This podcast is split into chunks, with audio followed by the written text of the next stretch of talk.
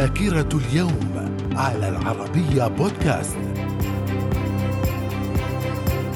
أهلا بكم إلى ذاكرة اليوم السادس والعشرين من مارس. ففي العام 1091 سقطت مدينة قرطبة الأندلسية بيد دولة المرابطين.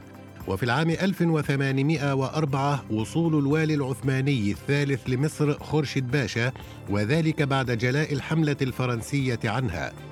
في العام 1945 قوات الحلفاء تحتل مدينة فرانكفورت الألمانية وذلك قبيل نهاية الحرب العالمية الثانية. ذاكرة اليوم. ومن ذاكرة السادس والعشرين من مارس في العام 1952 الفرنسيون يعتقلون أعضاء الحكومة التونسية وينفونهم إلى جنوبي تونس. في العام 1953 العالم الأمريكي يوناس سولك يكتشف مصلا ضد شلل الأطفال. وفي العام 1971 استقلال بنجلاديش عن باكستان. ذاكرة اليوم. ومن ذاكرة السادس والعشرين من مارس في العام 1979 التوقيع على معاهدة السلام المصرية الإسرائيلية في واشنطن العاصمة وذلك تحت إشراف الولايات المتحدة. وفي العام 1994 الكويت تمنع المنقبات من قيادة السيارات. في العام 2016 حكومة الوفاق الوطني الليبية تبدأ عملها في تونس العاصمة برئاسة فايز السراج. ذاكرة اليوم. ومن مواليد السادس والعشرين من مارس في العام 1031 مالكولم الثالث ملك اسكتلندا.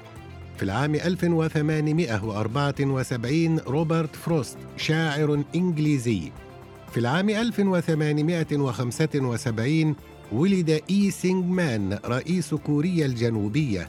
في العام 1921 ولد عبد السلام عارف رئيس العراق.